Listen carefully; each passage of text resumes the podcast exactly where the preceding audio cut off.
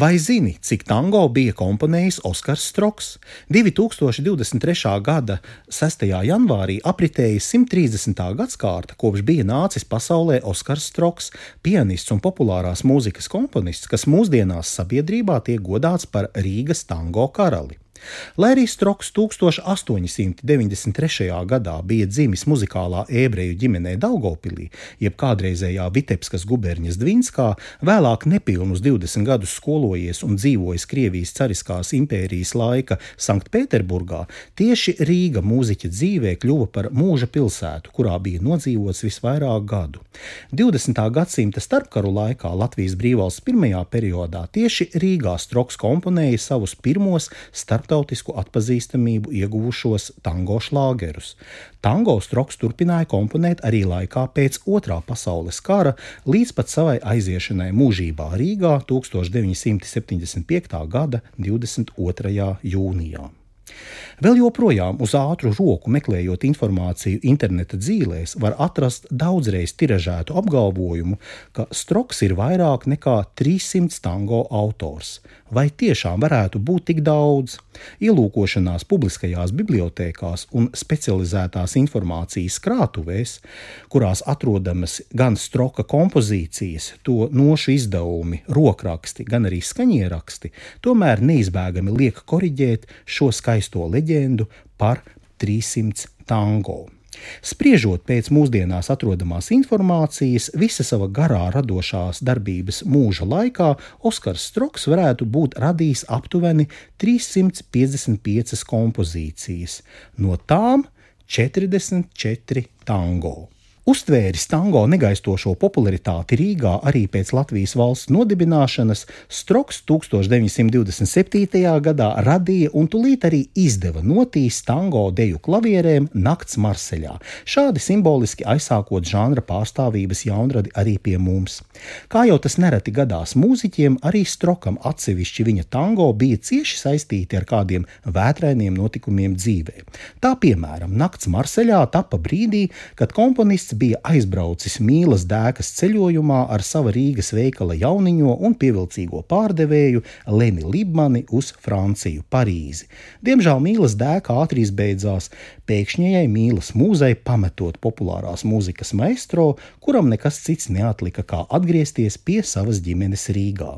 Tad nu šim stāstam tango karaļu tuvinieku atmiņās sekoja turpinājums. Skumjās par zudušo mīlestību, Stroks komponēja savu otro tango, kas uz mūžiem viņu apzīmogoja par starptautiski pazīstamu tango dziesmu komponistu.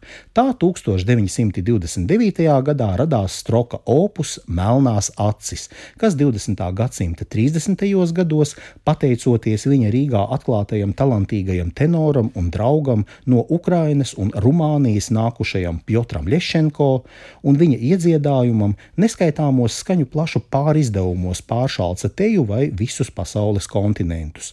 Melno acu oriģināla teksts Krievu valodā skanēja arī tulkojumos vācu, somu, angļu, rumāņu, japāņu un vēl arī citu valodu versijās, daudzu dziedātāju izpildījumā daudzās valstīs.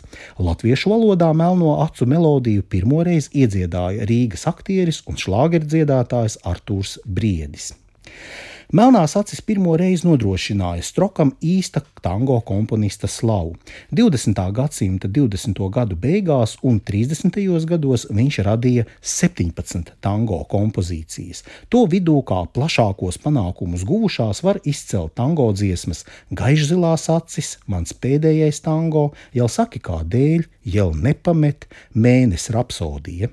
Likās, ka 30. gados iegūtā tango mūzikas meistara slava kļūs par stabilu pamatu stroka radošajā darbībā un beidzot atnesīs arī pienācīgu materiālo nodrošinājumu dzīvē. Diemžēl Otrais pasaules karš, tā laikā notikusī Latvijas okupācija no Padomju Savienības puses, šīs cerības brutāli sagrāva. Karu pārdzīvodams no Latvijas tālajā Kazahstānā, Stroks 1945. gadā atgriezās Rīgā un saskārās ar padomju režīmu, kas diemžēl viņa mūziku diskvalificēja. Neraugoties ne uz ko, Strokam izdevās izdzīvot kā populāru deju un dziesmu autoram arī sarežģītajā padomju okupācijas periodā. Viņš komponēja un pats aktīvi dažādu izklaides vietu ansambļiem izplatīja savus jaunradītos darbus. Tā radās vēl 27 tango, gan dziesmas, gan instrumentālas kompozīcijas veidolā. Ieinteresējoties un iepazīstot to tango, ko Stroks komponēja pēc otrā pasaules kara, noteikti var secināt, ka meistars joprojām bija saglabājis talantu radīt spilgtu, melodiski aizraujošu, lipīgu mūziku, izceļot tajā populārās dejas ritmiskās formulas dažādos to variantos. Arī sasauksme ar notikumiem privātajā dzīvē sevi neļāva aizmirst. Tā piemēram, 60. gados komponētā tango dziesma Natālija bija komponista lirisks veltījums mūža pēdējai mīlestībai, sievietei vārdā Natālija, kas dzīvoja Krievijā, Piemaskavā. Tomēr mūsdienās Stroka 44 radīto tango kopumā joprojām visvairāk piesaista viņa 20. gadsimta 30. gadu Rīgas kosmopolītiskās kultūrvides atmosfērā radītās kvēlu mīlestību un smeldzīgu šķiršanos muzikāli izstāstošās tango dziesmas. To nošu rakstos nevīstoša ir palikusi Rīgas tango karaļa lielā meistarība un radošās dzīves azarta atblāzma, kas valdzina joprojām.